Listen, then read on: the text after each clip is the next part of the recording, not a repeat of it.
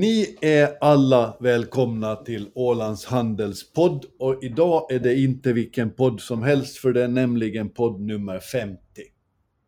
Jag som heter Jörgen Pettersson och har den stora äran att ratta detta jubileumsprogram tillsammans med eh, Fredrik Rosenqvist som sitter på länk från sitt kontor, som normalt sett brukar ratta det, men nu delar vi på det här så att det är 50-50. Hur är det med dig idag Fredrik, hur mår du? Jag mår bra, vi delar ju alltid på det, brukar vi göra, varannan gång ju. Ja, vi gör det, men det kändes som överraskande idag. Jag tror att det var extra spännande när det är avsnitt nummer 50, för det förpliktigar. Det här får ju inte bli ett dåligt avsnitt. Okej, okay. ja, jag är lite så här kluven nu när vi spelar in precis när börsen ska öppna. Man har ju ett öga på någonting annat, men jag ska stänga ner den skärmen. Så jag är koncentrerad. Ja. Du måste fokusera. Jo, jag är fokuserad. Fokus. Jag måste att jag skulle fråga dig om en sak nämligen. Ja. Ja. Du vet, man kommer på jobb och så tycker man att det finns hundra saker som man borde göra. Ja. Hur vet man vilken man ska ta först? Man har gjort upp ett schema dagen innan, så gör jag, eh, med tidsblock. Det vill säga, eh, liksom, dagen är planerad timme för timme. Den här timmen ska jag ägna mig åt just den här arbetsuppgiften. Eh, sen timme efter det ska jag ägna mig åt en annan arbetsuppgift och så vidare. Så vet man vilken ordning man ska göra saker i. Sen kan ju det där förändras under dagen, men så jobbar jag i alla fall. Alltså du ger fyrkanten ett ansikte ibland. Ja, nej men det är han som skrev boken eh, Deep Work, han, han har ju en sån metod att man ska jobba i time blocks. Alltså att man, ja, man avsätter tid för, för olika arbetsuppgifter. Och då märker man ju också ganska lätt att nu går inte det här ihop. Nu har jag för mycket att göra. Och då ja, får man ju tacka nej till någonting ibland. Så att ja, nu står det podda här i mitt schema en timme framåt. Sen lunch 11. Ja. Du är så strukturerad. Det där är en, en av de stora skillnaderna mellan dig och mig. Jag är inte lika strukturerad, men jag skulle gärna vilja vara det. Och därför så har jag faktiskt lyssnat på avsnitt 35 och 36 flera gånger om passion, economy och fokus. Okay. Alltså hur man ska lära sig att koncentrera sig och göra det som är viktigt först. Mm. Det är en slags konst som jag tror att det är ganska få förunnade. Ja, och det är ju en, eh, en, vad heter det, en stor konkurrensfördel i världen, i dagens samhälle, att man kan koncentrera sig på någonting och ha, behålla fokus. Det är färre och färre som kan det i dagens, ja, när alla kollar på TikTok och sånt. Men idag så är det inte så lätt att hålla fokus på detta avsnitt nummer 50, för det är väldigt mycket saker som vi ska prata om. Men vi kan inte riktigt släppa eh, det att vi har faktiskt fått ihop 50 poddar. Trodde du det när vi började? Um, nej. Det kändes som en slags sån här testballong. ja, jo, det var väl så här, prova att göra 10 avsnitt och se om det går. Ni vet ju alltså har man 50, så ja. Det... Sen håller många poddar tror jag till ungefär runt 100 avsnitt. Eh, sen där brukar det börja gå på skit. Eh, det är typ som sjuårskrisen i äktenskap. så om vi klarar oss typ till 120 då, ja. Om det håller då, då håller det för alltid. Det håller det för alltid, det håller det för evigt. Ja. Gamla, gamla sägen att det, det, när gammalt börjar hålla, då håller det utav bara helvete. Gammal kärlek rostar aldrig. Exakt. Ja. exakt. Under de här, det här året kan man säga då, för det är ungefär ett år som vi har hållit på med den här. Det, det, det är en rätt hygglig spännvidd i, i samtalet, det får man säga. Jag har gjort en liten skanning och vi har pratat rätt mycket om tygblöjor. Och, och, då undrar jag, höll ni ut hela vägen tills pojken var blöjfri? Ja, han är ju inte blöjfri nu, så vi håller fortfarande ut. Ni gör det? Ja. ja. Det är tapper. Det är tapper. Jag gör inte så mycket, det är mest min fru. Men jo. Ja, så ja, ja, men det är nog otroligt att rekommendera. Man minskar ju sopmängden eh, enormt. Eh, så ja. Får, får ju tvätta lite mer istället, men det, det är inga, inga konstigheter. Jag minns också hur vi har pratat om litauiska nudlar en gång, en stor satsning på det. Estonia har vi berört. Det är lite svårt att ha en bestämd uppfattning om det, det finns ju en himmelens massa teorier kring det. Vi har pratat om Bob Dylan och, och containrar i världshandeln. Och, och rätt mycket mer. Har du något sånt här avsnitt som du tycker att blev extra minnesvärt? Alltså jag kommer ju mest ihåg alltså situationerna kring när man spelar in. Uh, så jag kommer väl ihåg dem speciellt som jag spelade in hemifrån när jag var vårdledig. I juni var det väl. Eh, i somras. Det var lite speciellt när jag satt i ett gästrum och, och, och spelade in podd. Jättetidigt på morgonen spelade vi in då, i och med att det var den enda tiden jag kunde spela in på. Så de, de minns jag eh, speciellt. Och det var också lite speciellt i och med att jag hade tid och jag var ute och gick och sprang mycket med vår son då, så då hade jag tid att lyssna på väldigt många konstiga poddar och sådär som hade ganska mycket inspiration då också. Så det var roligt, de minns jag. Och sen minns jag de gånger vi har tvingats göra om, spela in podden två gånger. Den var kul när vi hade faktiskt det kanske bästa avsnittet hittills och, och ingenting hade fastnat. Nej, det har hänt, det har hänt två gånger. Och den där gången också när du inte vågade eh, inleda med Good morning. Ja, sen den gjorde jag det väl en gång kanske, men ja. Gjorde du det följande gång? Ja, jag tror jag gjorde det, men ja, sen slår jag mig, det, det är liksom, ska man klappa sig själv på, på axeln för mycket, men när jag gick tillbaka och kollade vad vi har pratat om så pratade vi om så här, jag menar, brist på containrar och, och höga priser på olja och sådär, ja men januari eh, som det blev en grej senare i somras. Så ja, ganska tidiga på bollen ändå. Med mycket, inte med vi allt. Vi låg faktiskt runt hörnen lite tidigare än många andra, det gjorde vi. Det vi Sen finns det exempel på motsatsen också i och för sig, men det... Ja, det... ja, men det handlar om uran och världsliga saker, det inte så. Ja, ja. Jag, jag äger faktiskt uran nu, fysiskt uran. Visste du det? Du gör det? Ja. Jag har lite fysiskt uran, inte hemma, utan det ligger i Kanada, men ja, det är mitt. Coolt. Står det där, det finns ju en uranstav och så står det Fredrik Rosenqvist. Nej, det tillhör en Sprott Physical Uranium Trust, alltså en stiftelse som jag, jag, jag äger del av, så jag äger indirekt del av lite uran. Då. Ja. Som är förvarat, mm. tror jag, hos något av de här stora urantillverkarna, men det är dedikerat till dem, då, den här stiftelsen. Så att, ja, jag, jag är stolt ägare av uran. Då. Ingick det i dina framtidsplaner när du var 14 år och växte upp i Ytternäs att en dag då ska jag äga en uranstav någonstans. Mm. Uh, nej. ja, det är inte planen att köpa en väldigt cool elgitarr. Det tänker jag också göra nu in, åt mig själv i julklapp tror jag. Så att, ja, jag nog... Uh, ja. Så då blir det till sist då There is a house uh, in New Orleans. Nej, jag hatar den låten. Så småningom. ja, nej. Herregud, det, blir, det blir mycket Guns N' Roses ska jag säga. Ja. Då vet vi att då, då är slutet nära när vi börjar spela mm. den där mm. efterfesternas efterfestsång. Ja, när jag, jag håller på att fila på en bucketlist vad jag ska göra när jag fyller 50. Jag tror när jag fyller 50 då ska jag, då ska jag typ, typ uppträda med ett band på min 50-årsfest. Typ spela gitarr. Det vore häftigt. Ingen kommer. jag skulle kunna komma och steppa samtidigt. Det skulle jag kanske kunna ja, ja. Jag tänker min svägerska Inger som lyssnar på den här podden. Hon är ganska bra på att sjunga. Hon kanske kan sjunga. Där har vi ju. Ja. Sen, sen ja, så får man ju fixa resten då, bas och trummor. Gitarr, dans och sång, sen är man hemma. Mm, ja, så att, ja. Nu har den här podden faktiskt flyg, flugit ett tag. Vi har nått till 50 avsnitt och, och det, det, är fler och fler och fler som lyssnar, vilket ju gör oss väldigt glada. Man har, ser en tydlig tendens att det går hem. Hur viktigt är det för dig att det, att det faktiskt attraherar folk. Mm, ja, det är kul när man slår lyssningsrekord, vilket vi har gjort de två senaste veckorna. Eh, sen, ja men det är ganska viktigt. Sen det viktigaste är att när man gör någonting, att man känner att det blir bra. Eh, det är nog det jag är mest eh, bekymrad över sådär och, och så. Eh. Men jag håller med och jag tycker att eh, visst är det skoj om folk väljer att lyssna på det samtal som vi för, som jag åtminstone vill intala mig att det är en, en, ett exempel på ett gott samtal. Ja. Men lika viktigt är det nog det här att ständigt vara observant för vad man kan lyfta. Ja. Så att man, man, blir mera man blir mera nyfiken om man så säger. Ja, men det bästa av alla världar är om man gör någonting jättebra och jättemånga konsumerar det. Det, det är jättebra. Näst ja. bästa är liksom om man gör någonting jättebra och ingen konsumerar det. Och sen liksom det näst sämsta om du gör någonting dåligt och jättemånga tar del av det. Och det absolut sämsta är att du gör någonting som är skit och ingen bryr sig. Det är väl det värsta typ. Eller? Jo, det är det. Det är det faktiskt. Ja. Det där har vi nog alla råkat ut för som är i publicistbranschen. Att man gör saker som man själv tycker att det är väldigt, väldigt bra och ingen människa bryr sig. Mm.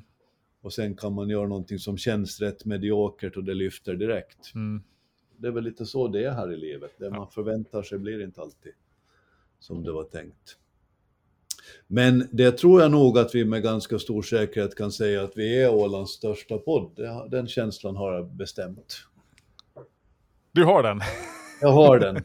Jag har den. Det är ju inte, det är ju inte en väldigt hård konkurrens, men jag tror Nej. att vi är det faktiskt. Nej, det kanske finns. Det var ju väldigt populärt när sociala medier var nytt och sådär. Att man, man fick olika så här bloggtoppar och twittertoppar och man liksom kunde se vem som har flest och så. Jag vet inte om det, ja det kanske finns för poddar men det är så här, ja det är inte kanske så många som bryr sig längre och sånt. Jag vet inte riktigt. Jag är inte så säker heller. Och det, egentligen så är det semantik för det är inte så hemskt viktigt. Men ni som i alla fall nu lyssnar så lyssnar på Ålands Handels podd nummer 50 och ni är hjärtligt välkomna hit för vi ska prata om en uppsjö med olika saker just idag faktiskt. Och då är det också skäl att påminna om att man genom att prenumerera på podden på, på till exempel Spotify så vet man när det kommer, när nästa avsnitt kommer. För, för vi, vi publicerar oss en gång per vecka. Mm. Och det har vi gjort sedan starten faktiskt. Ja, Inte ja, ens man- knappt med några undantag tror jag. Har vi det? Eh, jo, vi hade ju en paus när det var lite covid och annat. Just det, vi blev däckade för ett tag av lite sjukdom och grejer, men vi kom tillbaka. Ja, ja, vi, ja vi, vi höll på att typ stryka med hela bunten där, men det, det löser sig. Och sen är det så här också att jag, jag, jag, det, man behöver inte heller ha Spotify Premium för att lyssna på podden. Man behöver ju ha Spotify Premium för att lyssna på vilka låtar man vill och utan reklam. Och sen med poddar så kan man lyssna på, än så länge helt gratis på Spotify, så att det är en ganska bra plattform att lyssna på poddar. Så att prova det. Nu går vi vidare, för vi, vi- har en, en hel del ämnen som vi måste ta upp idag. Så vi, vi börjar med, med fisk. Vi pratar ju rätt ofta fisk, men, men nu är Fifax emission klar. Och, och den får man beteckna som en framgång, eller vad säger du? Ja, vi pratade om det förra veckan, att den blev, det var, vi var första åländska media som gick ut med att den hade blivit lyckad den emissionen, att de hade fått in 15,4 miljoner och sådär. Och nu ser det väl ut då som att aktien kommer att börja handlas på måndag, är det väl, om allt går som planerat. Eh, Så det ska ju bli spännande att se vad som händer med den. Verkligen, om kursen skjuter iväg direkt eller vad som riktigt händer. Ja, jag tror kanske på motsatsen, men Att det blir ett sänke. ja, jag vet inte. Man ska väl inte, men eh, jag, jag, jag har i alla fall inte köpt in mig. Kommer nog inte göra det heller. Så att, Det ska du aldrig säga, man ska faktiskt aldrig säga aldrig. Du har nämligen sagt att du knappast skulle köpa uran. Ja, nej. Ville det, men så missade du tåget, men sen ångrade du det i alla fall. Ja, ja, ja, det blev lite FOMO och sådär. Så att, mm, nej men det, det är väl på måndag då den ska börja handlas. Så att man får väl se vad som, som händer när det öppnar. Ehm, ja. de, har väl någon sorts, de har väl någon sorts eh, arrangemang där eh, olika parter håller uppe eller stabiliserar kursen de första månaderna. Så där kommer jag inte ihåg exakt hur länge det är, men det är ganska vanligt. Sen är det ju liksom en grej att säga vad som händer när den öppnar och sen också vad som händer när den här perioden med att prisstabiliseringen är över. Så att det ska bli kul att följa vad som händer med den, faktiskt, tycker jag. Från fisk i Eckerö så, så är ju inte steget särskilt långt till noshörningar i Colombia. Visst, Nej, nu ska du säga något snällt här, det är inte så hemskt långt Nej, steg. de Det är är ganska ju- rimligt att man börjar med fisk och, och slutar med noshörningar. jag tänkte säga att de är båda däggdjur, men det är de inte ens. I varje fall så tycker jag att det är en svår, svår det, är en, det, är en, det är en skön nyhet som kommer ifrån Colombia. Och den, den väcker så många olika tankar. Alltså, Colombia så finns det egentligen inte noshörningar. Det är inte deras naturliga habitat. Men när Pablo Escobar, den, den gangsten, knarkgangstern, som det har gjorts tv-serier om i en uppsjö och som jag tycker att det är svårt provocerande att man slår mynt idag på, på, en, på en människa som, som ställde till, som gjorde så mycket illa under sin livstid så det inte ens finns. Han är antagligen mänsklighetens fiende nummer. På tio topplistan i varje fall, skulle jag gissa. Han var extremt rik. Han var, han var rik som ett land när han höll på och, och, och delade med, med kokain och, och vad han höll på med.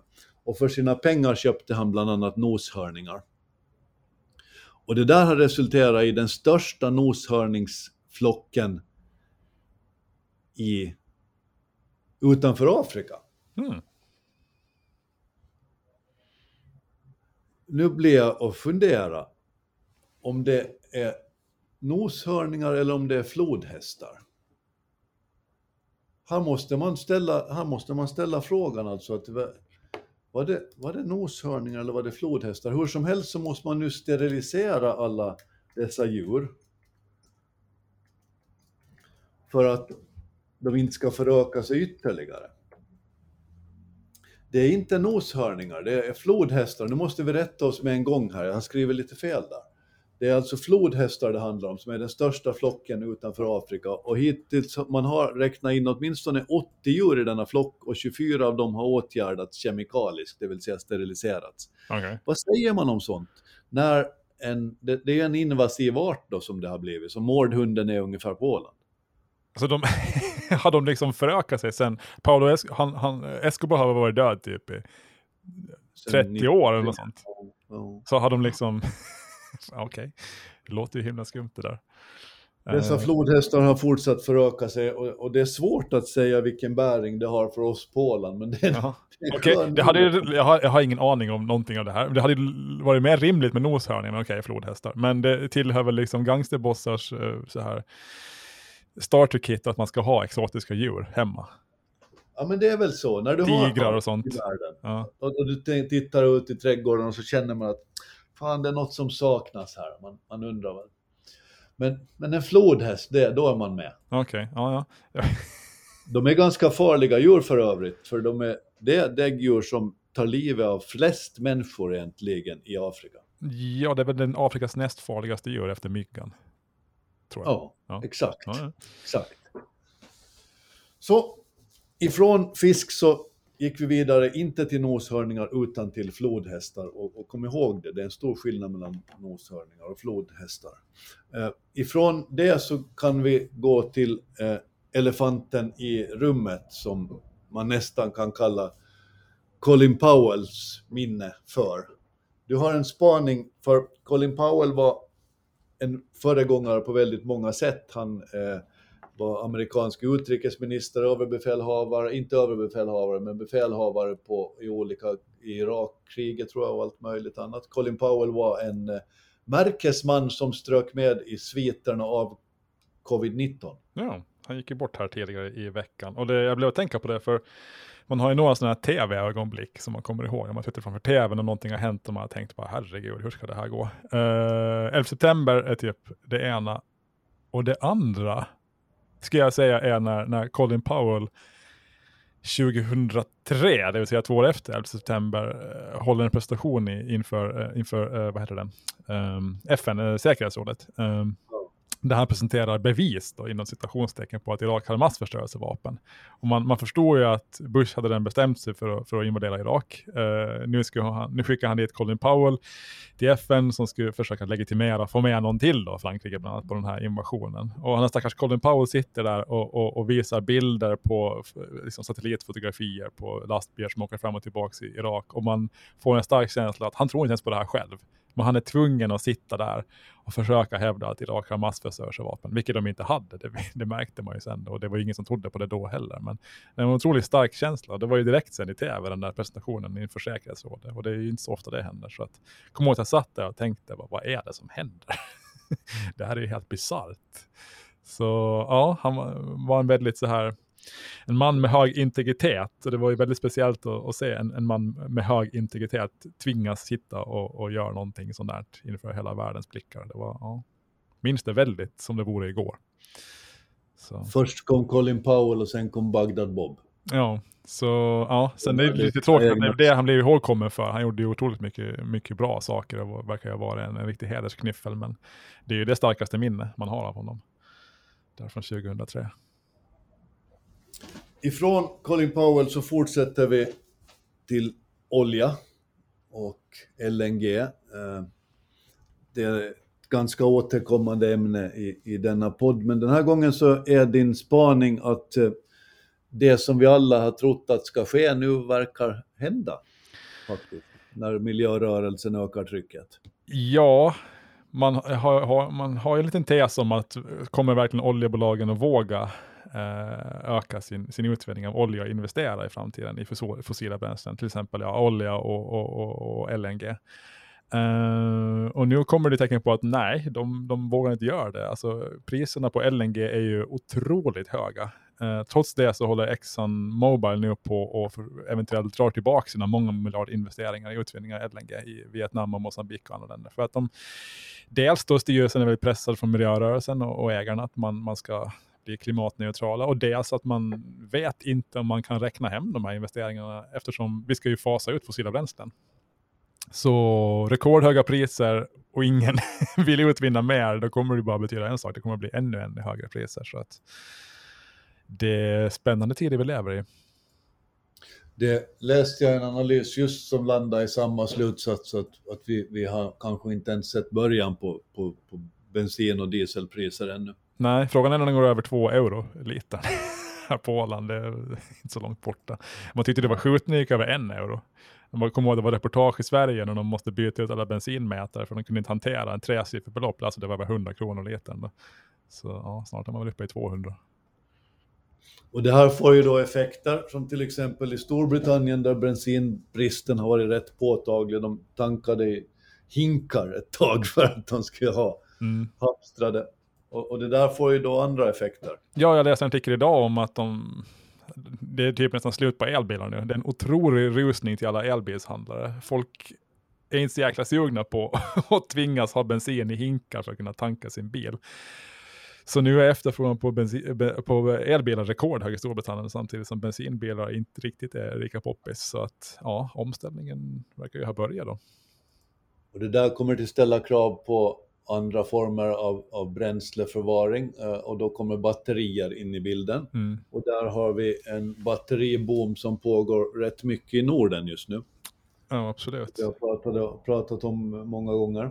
Ja. Så det är egentligen rätt häftigt. Och det är många bilföretag, alltså bilföretagen själva, de, antingen investerar de i egna batterifabriker nu eller så går de samman med olika konglomerat som LG och sådär i, i Asien. Så till och med Toyota som har sagt att det här med batterier, det tror vi inte på. Vi tror på hybridbilar. De har ju liksom fått krypa till korsen nu och satsar på egna batterifabriker tillsammans med Stellantis tror jag det var. Så att det investeras enormt i det här just nu och pågår ett stort race om vem som ska tillverka flest och bäst batterier. Uh, där vi har flera projekt på gång i Norden då, så bland annat Northvolt och Fröjer som vill bygga i Finland.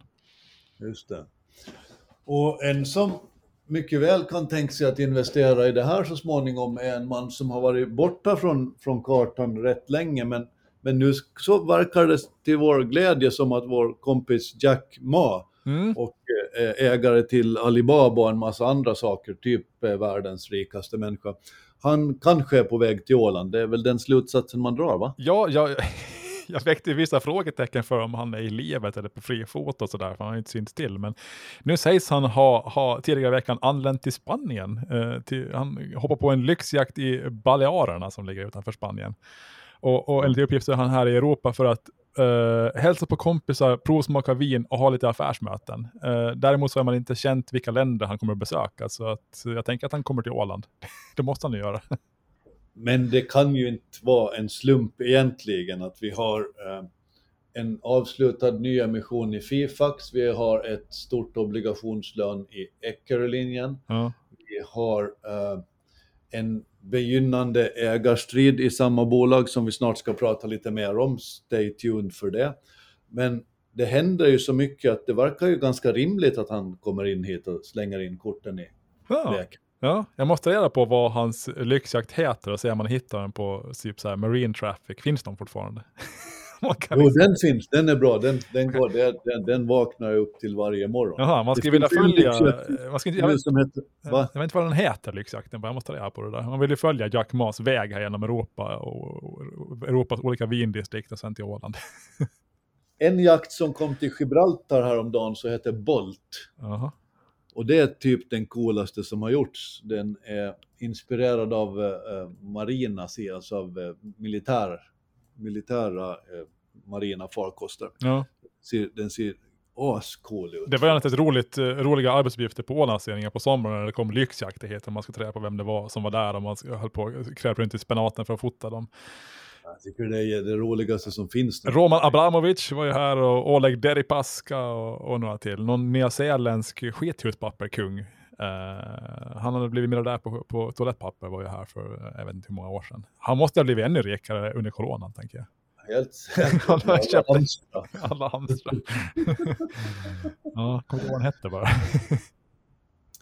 Eh, en som kanske har blivit lite rikare, det vet vi inte, för vi har ingen aning om köpesummorna i sammanhanget. Men Olof Hägerstrand var på många sätt en, en människa som personifierade entreprenörskapet på Åland när han startade Quedro för 19 år sedan ungefär. Det är en slags eh, det är ett CRM-system där CRM står för Customer Relationship Management och, och den vänder sig till fastighetsmäklare. Uh, jag är inte tillräckligt insatt för att förstå exakt vad det var han gjorde.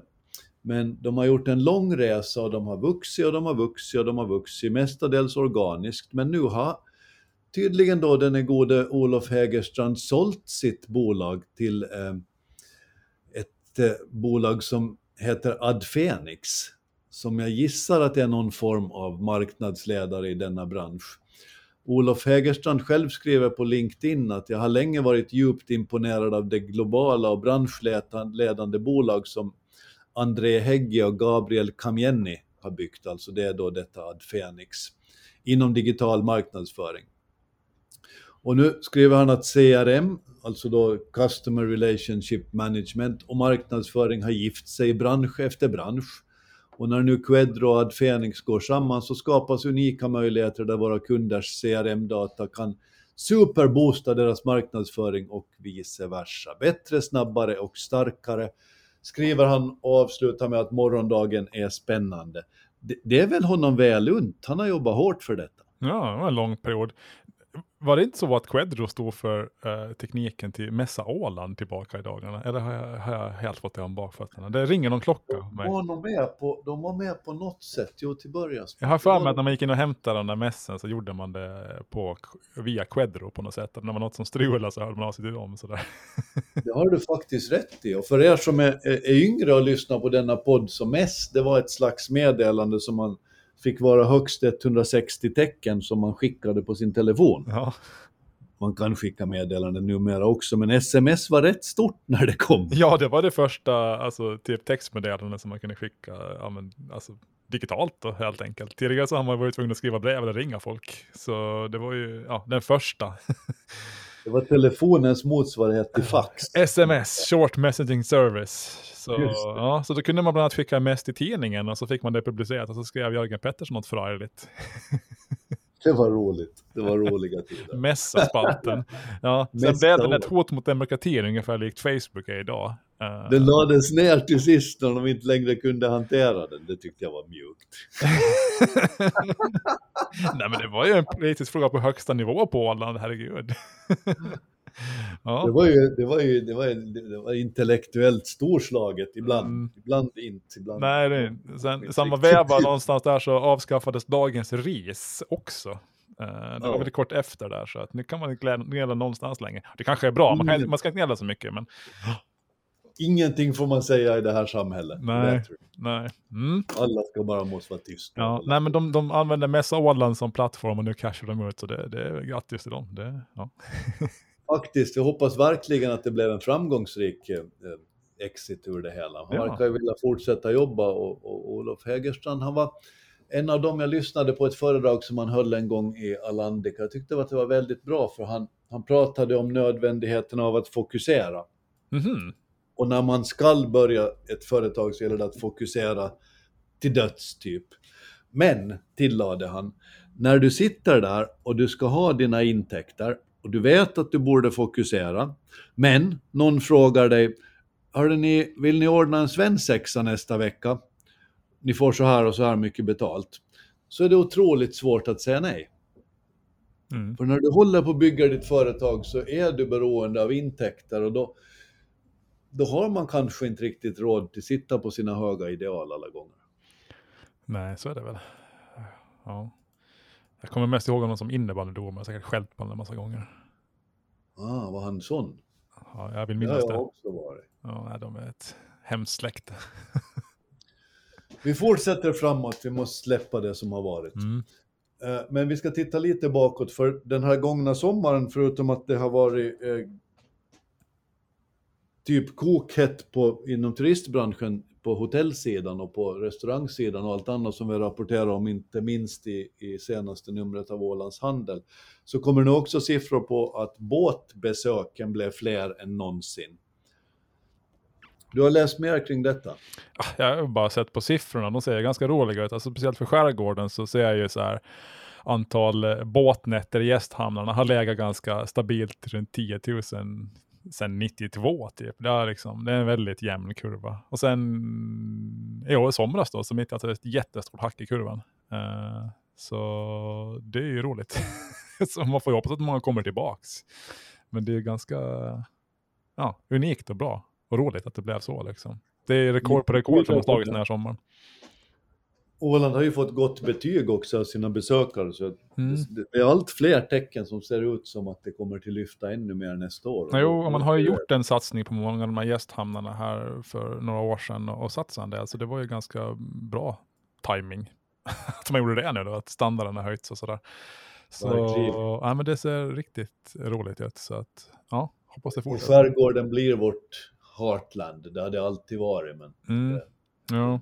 Verkligen där som en stor del av tillväxten kommer. Ja, och så här segelbåtar och sånt har ju haft lite kämpigt ett tag. Ja. Folk vill ju åka motorbåt och sådär. Men ja, nu med bränslepriserna som de är och allt det där och kanske segelbåtarna får en revival. Det är miljövänligt med segelbåt. Att sitta med en men C-Ray med V8 i då, det är klart att det... Nej, det blir som andra världskriget innebar ju också en stor uppsving för seglandet. Eh, när man inte fick tag i bränsle till sina motorbåtar, så då var det okej, okay, då får man väl segla istället då. Så. Så alla ni seglare där ute, ni ligger helt rätt. Mm, mm, det ligger lite före till och med, snart kommer det. Eh, någon som inte riktigt tror på på framtiden för ögonblicket, i varje fall i Finland, så är Handelsbanken som har meddelat att de tänker lägga ner i Finland. Ja. Inte lägga ner, de tänker sälja. Ja, de tänker sälja sin verksamhet i både Finland och Danmark. Eh, det var väl ganska väntat. De tidigare la ju sin rapport och alla visste att det kommer, nu kommer det ett stort besked här. Och man hade väl spekulerat i antingen så lägger de ner i Storbritannien eller så lägger de ner någon annanstans, till exempel i Finland. Och det blev ju då Finland och Danmark um, som de försvinner från. Handelsbanken har ju varit den, den bank, storbank som har satsat på eh, uh, fysiska kontor med alla andra. Man har sagt att det, man tror på det. Sen ungefär ett år tillbaka har man backat från det här att nej, vi hade fel. det här är eh, dumt. Så nu stänger man en himla massa kontor och, och nu lämnar man då både Finland och Danmark också. Så att, mm, jag såg, ju det, jag såg ju det där komma på första parkett, ja, för, för jag sitter ju, Handelsbanken hade kontor i, i GE, kontoret i Mariehamn. Mm. Och det kontoret sitter jag i nu. Mm. Jo, så redan där kunde man ju ana att någonting var på gång. Eh, man kunde se där. Ja, så såg jag nu att de, de vill ju sälja då sin verksamhet i Danmark och Finland. I Danmark så lär det finnas ett intresse, jag tror, bedömare, men i Finland så lär det bli mer svårsålt, så man får se vad som händer. Men, mm. Det är väl ett typiskt köpläge för Ålandsbanken där att växa? Ja, fast annars, ja, jag har ingen aning. Uh, men visst var det Handelsbanken som backade ifrån Ecker också, så det kanske också hade någonting med saken att göra, jag vet inte. Ja, allting verkar ju höra ihop. Mm. I alla mm. fall rätt mycket. Mm. Noshörningar, flodhästar och allt möjligt. Ja, det sitter, det sitter samman, man märker ju det. Det ska få en, det ska få en noshörning i julklapp på mig, alltså inte en riktig utan någon sorts. Flodhäst gärna, flodhäst. Okay. Håll skillnad på de där. Jag, kommer, jag känner att jag kommer att bli tråkad för att jag inte riktigt har skillnad på flod. Avsnitt 200 kommer fortfarande den flodhästfadäsen och bara veva ska jag lova dig. Så igen så, one strike and you're out. Ja, Skräcken i rösten, du märker att jag har sagt fel och pratat om noshörningar när det egentligen var flodhästar. ja. Men ifrån noshörningar och flodhästar så börjar vi också konstatera att vi har varnat sedan i januari för att eh, containerpriser är på väg rätt upp i taket, liksom bränslepriser och mycket annat. Och att vi därmed eh, har en massa olika scenarier att ta till oss. Men nu har du lite sett att, eh, att den högkonjunktur som, som vi egentligen är inne i då, till följd av att allting ska starta igen efter pandemin, den, den har inte riktigt påverkats av dessa Nej, av dessa man har ju varit lite rädd för när rapporterna kommer nu att det ska börja synas alla de här höga kostnaderna och fraktproblemen och allt möjligt. Chip, brist på chip och men allt blir dyrt, el och sånt. Och det här påverkar givetvis Åland. Vi gynnas ju av en, en, en stark konjunktur i vår omvärld förstås. Och nu så tyder ju alla tecken på att det har inte påverkat så mycket, åtminstone inte än. Och jag, inte, mm, liksom, bolagen går till och med bättre än väntat. Uh, och spås gå bra framöver också, så att ja, det, man gick ju oroa sig i onödan, vad det verkar. De som har kommit hittills har sagt hur det går. Uh, både... Som alltid, alltså det mest kontraproduktiva som finns här i världen, det är att gå omkring och oroa sig. Mm, ja. Sen innebär det inte det här så mycket för börsen kanske. Alla har ju så otroligt höga förväntningar på allting, så att det Så att det går att notera att Stora Enso gjort sitt bästa kvartal någonsin och bara oh, nu ska vi se vad som händer med aktien. Eh, noll, ingenting. Den föll lite till de här i början. Så man blir... Det var redan diskonterat. Jag hade redan spenderat pengarna, men, men eh, ja, de hade väl räknat med att det skulle gå så där bra. Då, så att, nej, men det är, det är många det går bra för, så att, och det är bra för Åland. Så, mm, det fortsätter. Och en gren som fortsätter att växa och, och frodas och typ explodera är kryptovalutor. Mm. De brukar ju alltid gå väldigt starkt på vintern just. Börsen överlag går starkt från oktober till december och kryptovalutor är ofta extra så. Så tidigare i veckan så kom ju den första ETFen, alltså börshandlade fonden som man kan få en exponering mot, mot bitcoin. Den lanserades tror jag i tisdags och nu lär det väl följa fler då. Det var ProShares som var först. Och delvis tack vare det här, men delvis tack vare annat också, så slår ju bitcoin nu all time high igår på 65 000 dollar. Det är högst någonsin. Så att, det är helt märkligt. Mm, så nu får vi se om det blir 100 000 före årsskiftet. kommer en massa segelbåtar, Svanenbåtar som är döpta till krypto och bit, bitmiljonär och sådär snart. Du kommer få se. Sådana som har blivit miljardärer på bitcoin och, och, och, behöver någonting att lägga pengarna på. Alla flodhästar är slut, så då köper de.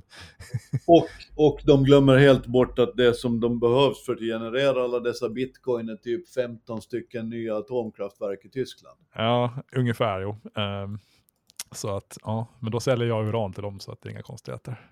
Precis det, så det sitter ihop det också. Ja, så... Ner i denna podd. Mm, så när ni har den där oron med gått över att nu är det party igen då typ. Ett tag till men, i alla fall. Men för alla ni som, som lyssnar och likt jag har insett att, att Dr. Rosenqvist är, är rätt eh, fyrkantig och rätt Excel-arkstyrd, så kommer det här att komma rätt överraskande för. Han vill nämligen prata om att uh, Grease har haft premiär. Ja. Och nu undrar jag, what the fuck? Ja, men...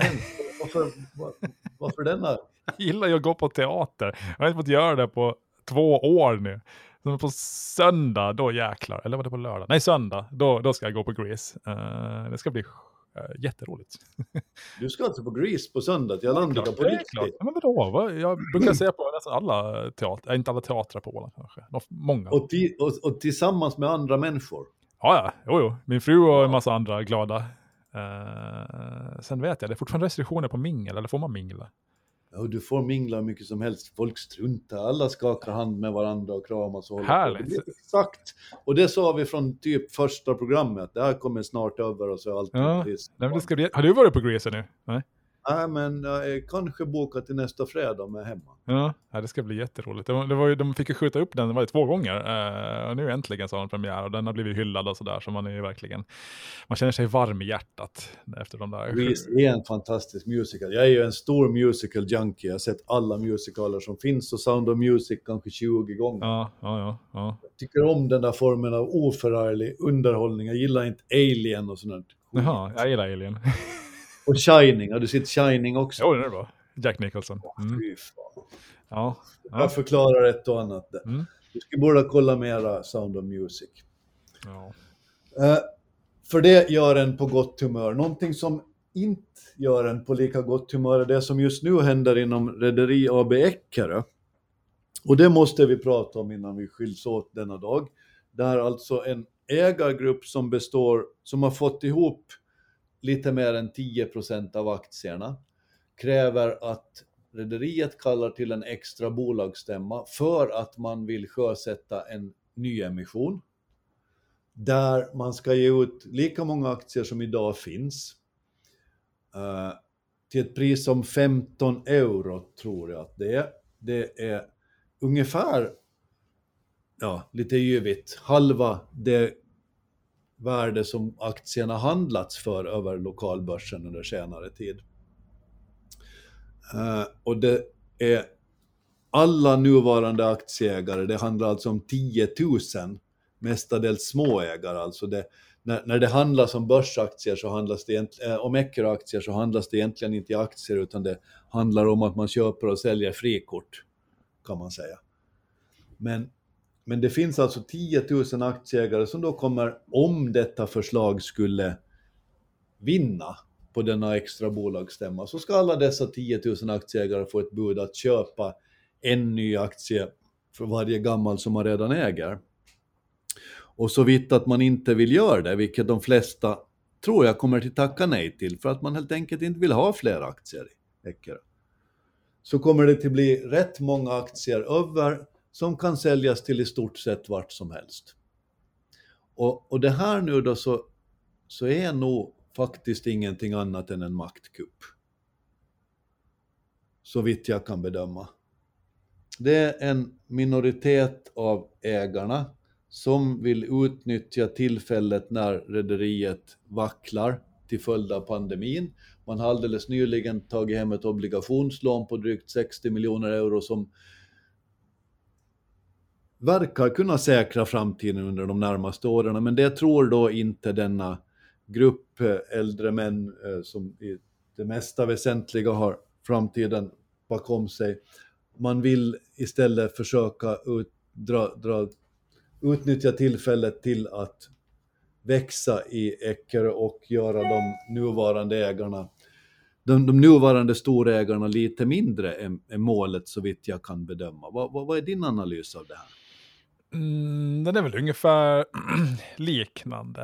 Uh, sen är det väl inget konstigt. Jag menar, alla som äger delar av ett bolag vill väl gärna ha en större del av kakan och mer att säga till om. Det är väl liksom rimligt. Det är kapitalismen i ett nötskal alltså. Det, och, och, och, frågan är fri. Man har rätt att ställa alla förslag som finns. Ja, ja. och om man sitter på 10% av aktierna så får man göra så här. Och får vi se då vad resten av 90% tycker om det här. Men det är lite det händer ju inte jätteofta att en liten, liten ägargrupp liksom vurmar för en, en emission samtidigt som eh, liksom bolaget säger att vi behöver inte pengarna. det, det, det händer inte så jätteofta, men eh, ja, sen har de ju olika argument för varför de tycker Birka borde ta in mer pengar, eller vad heter det, ta in mer pengar och det är ju bland annat att de vill starta upp Birka Stockholm igen då, men ja.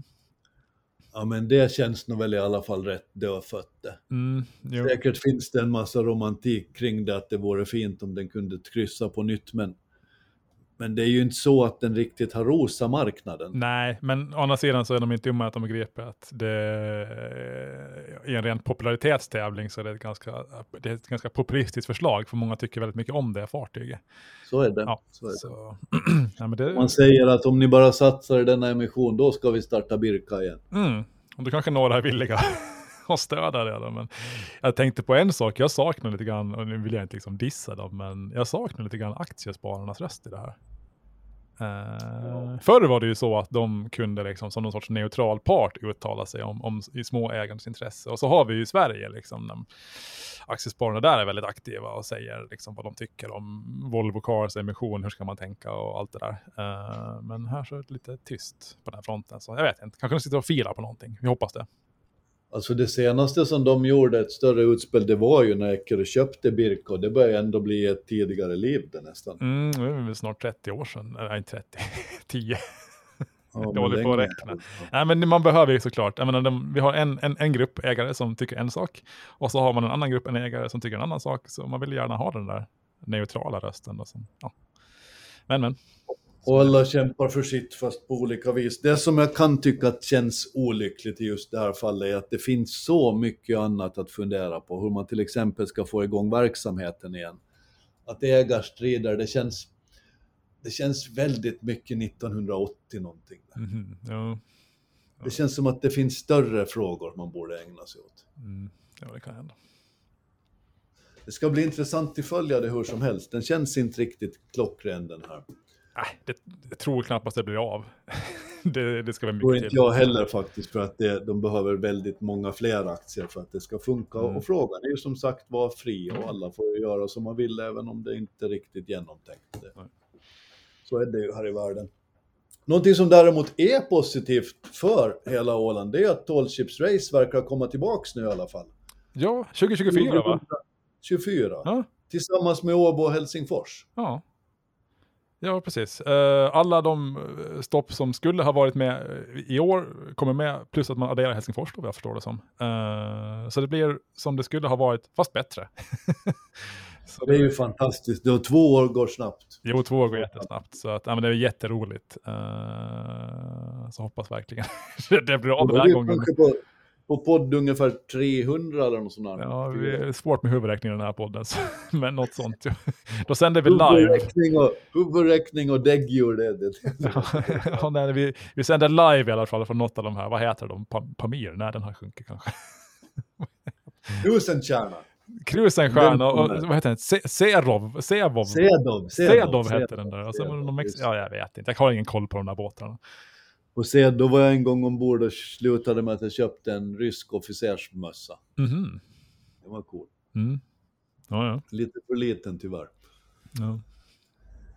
Vi har nått slutet på denna podd där vi faktiskt nästan har överträffat oss själva när det kommer till att hantera olika ämnen. Men någonting som alltid hänger med, det är veckans hyllning och här är Fredrik Rosenqvist med sin. Ja, jag, jag har två stycken. Uh... Den första, då, då, jag har ungefär, har ungefär, lika bra koll på det här som du har koll på Pablo Escobars djurpark. Men ja. i vilken fall som helst, när jag körde till stan i morse så, så höll jag på att köra vägen för jag på att titta på något konstigt ljusfenomen i, i, i Finströmsskogarna uppe i skyn. Jag tänkte att det är en helikopter eller ett flygplan. Men den, den får fram och tillbaks och så gör ju inte riktigt flygplan. Helikoptrar gör det. Batman. Ja, det är någonting. Så jag tror liksom, det kunde heller inte vara två helikoptrar, för jag såg två mitt i allt sen. Uh, att det här är ju ufon då, uh, rimligtvis. Uh, då blev man lite oroad. Men sen när jag närmade mig stan så insåg jag att det är den här ljusshow-installation-grejen vid, vid, vid landskapsregeringen. Man som syns ut i Finström. Och då snackar vi liksom inte alltså Godby, utan längre. Djupt in i skogen. Bak in i Finströmsskogarna. Jag var där när det var premiär igår kväll. Det var jättefint. Okej, okay, jag har inte sett det liksom förutom från Finström då och, och Sveby. Uh, men det är väl en hyllning att man har hittat en sån lampa som lyser ända ut till Finström. Uh, det är uppdelat i så att det är en föreställning som pågår på lagtingshusets stora vita vägg. Uh. Och den är skön, den är jättefin på alla sätt. Och sen är det ett gäng strålkastare som lyser rätt upp i himlen. Exakt som i, i, i Gotham City. Ja, och det syns ända ut till, ja men typ äh, Emkarby någonstans. så att, ja. Så det är hyll till det då. Och sen måste jag även hylla äh, film och tv-recensenter är ju ett, ett, ett jäkla pack överlag. Men jag läste en artikel idag att BBC har låtit drygt 200 recensenter från halva världens länder rösta fram eh, 2000-talets tre bästa tv-serier. Och det sjuka är att de, röst, de röstar fram tre helt rätt serier. Exakt de tre jag skulle ha valt. The Wire, Mad Men och Breaking Bad. Ja. Nah, nu... Nej, det är de tre de bästa. Det, om det inte skulle ha varit för den sista säsongen av Game of Thrones så skulle den ha klämt sig före kanske Mad Men. Men i och med den fadäsen så är det där den rätta listan. Så är det. Ja. Good Doctor. Va? Vilken? Billions. Nej. The Loudest Voice. Jag har inte sett någon av dem. Det finns, en, det finns en uppsjö. Alltså Breaking Bad kan kanske vara med där, men det är tveksamt. Har du sett, har du sett The Wire? För att det ska vara bra. Har du sett The Wire? Nej, Wire har jag inte sett, Nej. men jag är ändå säker på att den är ganska kass. har du sett Mad Men? Nej, inte den heller. Nej. Men det är samma. om du ser dem så kommer du att inse. Ja, men om man redan från början vet att det är ingenting att se, varför ska man se dem då? Nej, men du, ja. Om du ser Mad Men så kommer du att, att skaffa någon en, en, ny kostym och flytta till Madison Avenue och bli reklamgubbe. Jag ska ge dig en chans. Du kommer försöka bli Don Draper, jag lovar dig. Det kommer bli din nya idol. Men det har kommit ett nya avsnitt av uh, uh, Succession. Uh -huh på HBO och det måste ses först. Okay. Ja, ja. Det handlar om uh, Rupert Murdoch och hans, hans anhang. Mm -hmm. ja. De är faktiskt jäkligt bra de. Vad vill du hylla då? Jag hyllar idag Ålands neutralisering och demilitarisering som igår fyllde 100 år. Det var så länge sedan som uh, den så kallade Ålandskonventionen undertecknades av ett gäng olika stater. Och, och till följd av det här så var, var stan fullsatt av diplomater igår. Det var 30-tal ambassadörer här ifrån eh, eh finländska, eh, utländska representationer i Finland. Och de var, de var alla väldigt imponerade över det de såg och det de hörde. Eh, det var ett väldigt fint seminarium som ordnades i, i lagtingshuset och, och självstyrelsen som sådan hyllades såklart, men särskilt beslutet att neutraliseringen och demilitariseringen blev verklighet. Och där var det representanter från bland annat Sverige och, och sa det på ett rätt tydligt sätt att skälet till att Finland och Sverige är så nära varandra idag, det är faktiskt Åland. För när hela det här utspelar sig då på 1900, början på 1920-talet, lite tidigare, så, så var det alltså nära krig mellan Sverige och Finland om Åland. För Åland har en sån strategisk plats i Östersjön att alla vill äga oss egentligen. Det här visade sig ju tidigare när Ryssland var, eh, Ryssland var här och byggde Bomarsund och så vidare. Men, men när, det, när det sen blev, blev kallt läge och, och hela världen stod och vacklade på 1910-20-talet, Ryssland hade kapsejsat, världskrig stod för dörren och, och folk visste egentligen inte vad som hände. Så var det väldigt spänt mellan Finland och Sverige. Eh, men sen när Ålandsfrågan fick sin lösning så slutade det som så ofta att det som börjar med bråk slutar med kärlek. Och därför så är Finland och Sverige idag så otroligt nära varandra inom en rad olika områden. Och det är tack vare Åland och det är tack vare neutraliseringen och demilitariseringen. Och jag tycker faktiskt att alla borde ta sig förbi den stora väggen på lagtingshuset, för den här lilla showen och det lilla högtidliggörandet, det, det är fint. Och det är viktigt. Och demilitarisering och neutralisering, det är någonting som världen varenda dag i veckan behöver mer av, inte mindre. Mm. Och därför var det roligt att se att Åland spelar roll. Vi får aldrig glömma det, aldrig någonsin. Vi får aldrig tro att vi är bara en liten ö utan betydelse i Östersjön, för det är vi inte. Nej. Vi är ett område som väldigt många känner för. Mm. Och det där visade sig igår. Det var alltså ett 30-tal främmande staters eh, representanter på plats. Det, det är väldigt starkt. Mm. Så hyll till vårt Åland. Ja, och det är skönt som ålänning att inte tvingas bo på ett typ fly, äh, fast hangarfartyg på strategiskt avstånd från Stockholm och, och Åbo, Sankt Petersburg och andra viktiga städer, vilket vi skulle vara om vi, om vi var befäst. Liksom. Så, att, ja, Så är det. Ja, det, Så är det. känns lite tryggare när man inte är det. Skapar frihet på en massa olika sätt. Mm. Då så, då tar vi farväl för denna dag. Vi har, ni har lyssnat på podd nummer 50 av Ålands Handel. Eh, kom ihåg att prenumerera på den. Kom ihåg att man inte behöver Spotify Premium, det är fritt fram att lyssna. Och kom ihåg att komma tillbaks nästa vecka. Tack för denna gång Fredrik och ha en fin helg. Tack och hej. Tack, hej.